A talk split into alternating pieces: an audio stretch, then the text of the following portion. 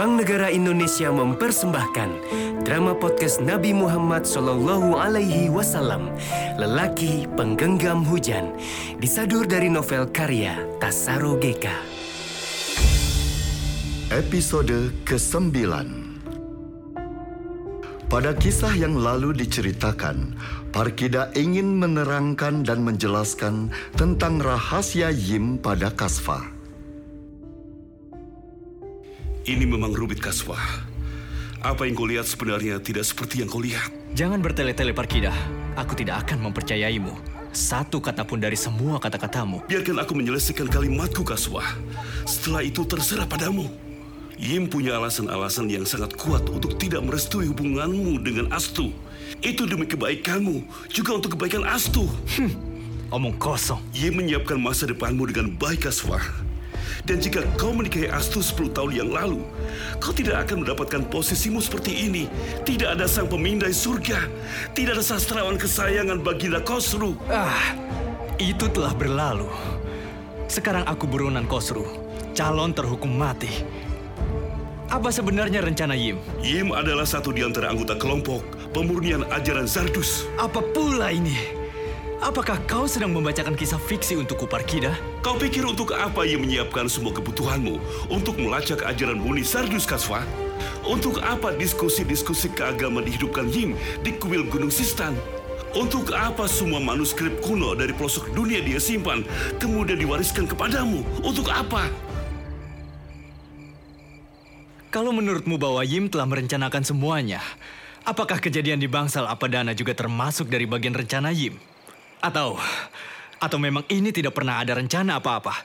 Ini hanya hayalanmu saja, Parkida. Ah, bukan. Bukan begitu. Kau mau mengatakan bahwa kau tahu semua rencana Yim? Kelompok tahu semua rencana Yim. Kelompok apa? Kelompok yang menginginkan pemurnian ajaran Zardus. Dan kau salah satu dari anggota kelompok itu. Terserah kau mau percaya atau tidak. Aku bersumpah tidak mengada-ngada. Semua yang terkait denganmu dan pernikahanku dengan Astu adalah bagian dari rencana Yim. Termasuk saat kau mengajakku berduel dan memukuliku sampai sebagian tulang-tulangku ada yang patah. Tidak sedetail itu, Kasva. Aku mungkin terlalu berimprovisasi. Tapi aku boleh melakukan apa saja untuk menjauhkanmu dari Astu. Yim yang memberiku wewenang. Mengapa Yim berpikir hidupku dan hidup Astu dalam bahaya jika kami menjalin hubungan? Pengulangan sejarah. Ya, pengulangan sejarah yang akan memicu kemarahan Kosru. Pengulangan sejarah. Apalagi maksudmu, Parkida? Ini menyangkut tentang keluarga Yim, keluargamu, dan Kosru. Eh, kau masih berteka-teki, Parkida. Tidak, aku tidak sedang bermain teka-teki Kaswa. Kau berhak tahu, malam ini tidak akan ada lagi rahasia. Baiklah, aku akan menyimakmu. Kau tahu Kaswa yang kukatakan tadi, hanyalah sebagian kecil dari rahasia Yim.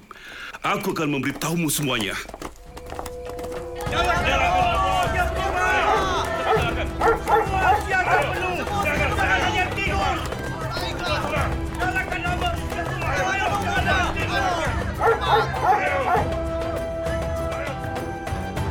Di saat Parkida ingin melanjutkan ceritanya tentang rahasia-rahasia yang disimpan Yim, kegaduhan terjadi di luar pondok.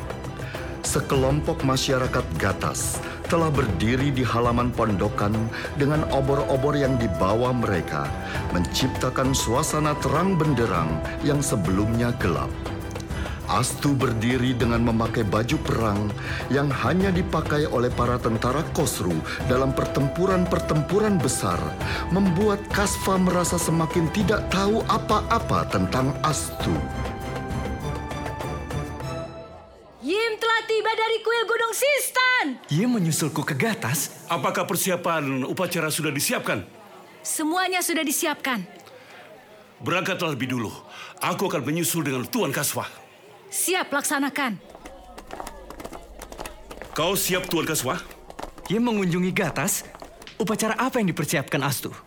Apakah upacara penyambutan untuk Yim? Bukan, bukan upacara penyambutan. Astu sedang mempersiapkan upacara lain. Upacara lain?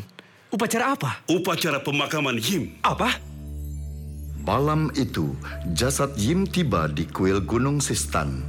Dikirim oleh utusan Kosru tanpa pengawalan tentara.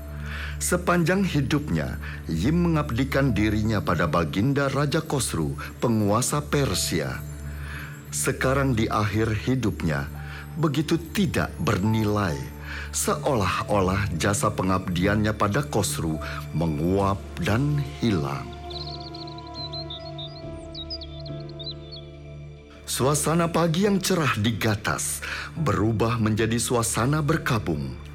Parkida dan Astu berdiri takzim di belakang peti jenazah Yim. Kasfah memandang peti jenazah Yim dengan perasaan sedih. Yim meninggal tidak lama setelah kau meninggalkan kuil Gunung Sistan, Tuan Kasfa. Masya, ke mana saja kau selama ini? Aku tidak pergi ke mana-mana, Tuan Kasfa. Jasad Yim tidak dikawal dengan resmi oleh tentara Kosru. Juga jasad Yim tidak dibalsem. Jadi setibanya di sini, jasad Yim agak rusak. Karena tidak dibalsem, dan itu menandakan Kosru sedang marah besar, sedang murka. Lihat Masya, upacara pemakaman segera dimulai. Jasad Yim dimasukkan ke dalam keranda dan diusung perlahan-lahan menuju tempat pemakaman di ujung desa. Setelah pemakaman selesai, mereka bubar, tetapi tidak pulang ke rumahnya masing-masing, melainkan menyebar ke berbagai arah dengan tergesa-gesa dan sigap, seakan menunggu sesuatu yang akan terjadi, sesuatu yang harus mereka hadapi dengan taruhan nyawa. Berhenti Tuan Kaswa. Jangan ikuti mereka. Kita tidak ikut. Apa maksudmu? Kita harus meninggalkan Gatas sekarang juga. Kau gila Masya. Jasad Yim belum sempurna sampai ke peristirahatannya. Aku juga belum mengucapkan bela sungkawa pada Astu. Kasfa, Astu, aku turut berbela sungkawa atas wafatnya Yim. terima kasih Kasfa. Masya benar. Kalian harus meninggalkan Gata sekarang juga. Kau, kau mau mengusirku Astu? Kau tidak punya kesempatan lain. Kau hanya punya peluang ini, Kasfa. Kau harus pergi. Masya akan memandumu untuk menemui seseorang yang tahu dengan rahasia ini. Rahasia apa lagi Astu? Rahasia... rahasia ayah. Kalau aku tidak mau pergi, bagaimana? Apakah kau akan mencelakakan semua penduduk Gatas? Apa maksudmu? Pasukan Kosru sedang menuju kemari. Kau ingin semua orang Gatas mati? Pasukan Kosru menuju Gatas? Kau menyayangi Serses, bukan? Kau ingin dia ditebas pedang tentara Kosro? Tentu saja tidak. Kalau begitu sebaiknya kau pergi. Kau lihat, Kasfah. Orang-orang itu tidak perlu bertempur kalau kau pergi. Mereka tidak punya urusan dengan Kosru. Tetapi jika tentara kerajaan menemuimu di sini, mereka akan dituding berkomplot menyembunyikanmu di Gatas. Baiklah kalau itu memang keinginanmu. Tetapi aku ingin menemui Serses sekedar untuk berpamitan. Tidak perlu. Hmm, maksudmu? Dia akan ikut denganmu. Apa? Serses akan ikut denganmu. Aku menitipkan Serses padamu dan Masya sampai keadaan membaik. Ta tapi Serses menyayangimu, Kasfah. Aku mempercayaimu. Masya akan selalu melindungi kalian. Serses anak yang mandiri. Dia tidak akan merepotkanmu. lalu kenapa kau bertahan di sini, Astu? Kosru ke Gatas untuk melakukan pengecekan. Aku harus berada di sini dengan Parkida. Mereka akan curiga jika aku atau Parkida tidak ada. Baiklah. Aku akan pergi dan membawa Serses. Meskipun aku masih merasakan ada hal-hal yang ganjil yang tidak bisa kupahami dengan otak dan nalarku.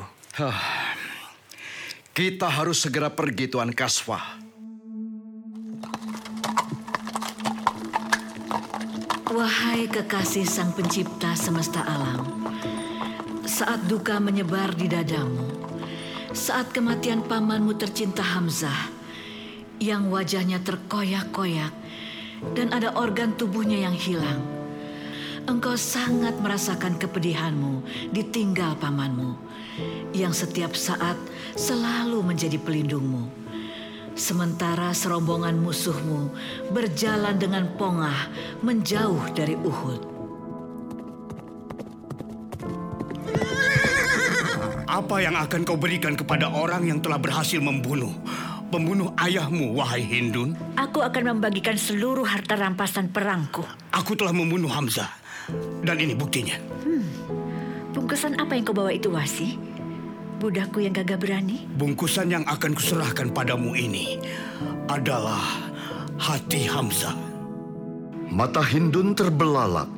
Tanpa berkata lagi, dia merampas bungkusan itu dari tangan budaknya yang bernama Wahsy. Hindun membuka bungkusan itu, kemudian menggigit sebagian daging itu dan mengunyahnya. Seandainya engkau tahu, wahai lelaki yang selalu memaafkan, ketika budak Hindun yang bernama Wahsy mengendap-endap di balik batu-batuan, sementara pertempuran pasukan Mekah dengan orang-orang Muslim Madinah masih berlangsung. Dia berhasil menemukan Hamzah, lelaki tinggi besar yang sedang mengayunkan pedangnya melumpuhkan lawan-lawan pasukan Muslim Madinah. Sang singa padang pasir. Dialah Hamzah, lelaki bertubuh besar yang mengenakan bulu burung unta di serbannya, yang dijuluki singa padang pasir. Pedangnya berkelebatan, memporak-porandakan pasukan musuhnya. Hmm, Jika aku berhasil membunuhnya, Hindun berjanji akan memerdekakanku.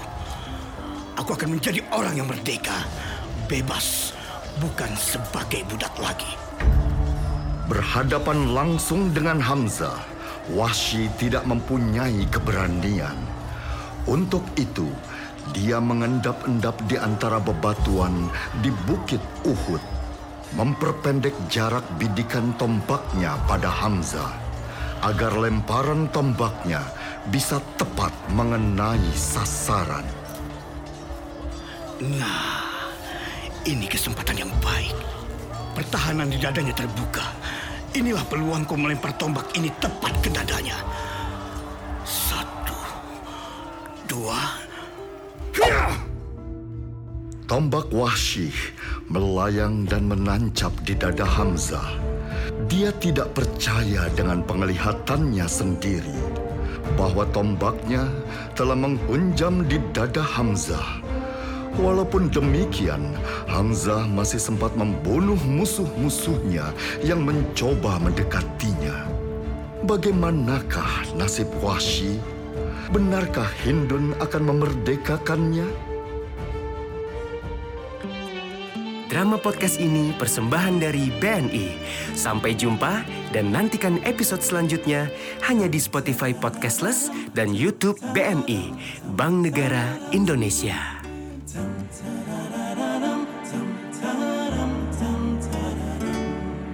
Gelisahmu hanyutkan mentari hatiku Saat aku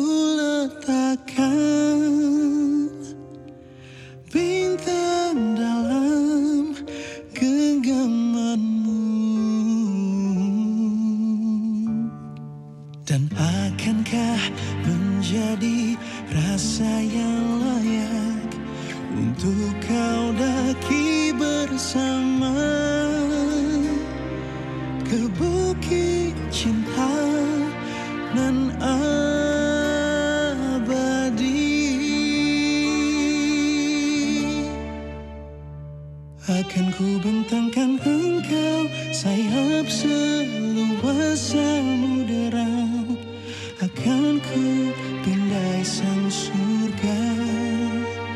Dalam nyanyian bintang hanya untuk menjadi Setitik rindu di hatimu. Dan mungkinkah menjadi rasa yang nyata. Untuk kau genggam bersama